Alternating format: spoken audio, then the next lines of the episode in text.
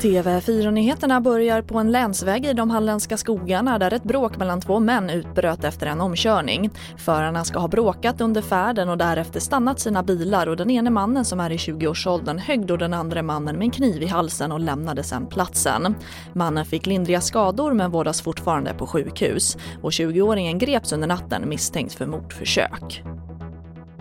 Och nu vill polisen få medborgarna att använda e-tjänster i högre utsträckning. Spontanbesök på polisstationer ska komma i sista hand och istället vill myndigheten att folk tar kontakt via nätet. Och just nu pågår ett arbete inom polisen för att förbättra kontakten med medborgarna. Och tanken är att allt fler tjänster som att bestrida mot en p-bot eller göra betalningar till polisen ska flyta online. Och vi avslutar i Nordkorea som nu säger sig ha fått sitt första misstänkta fall av covid-19.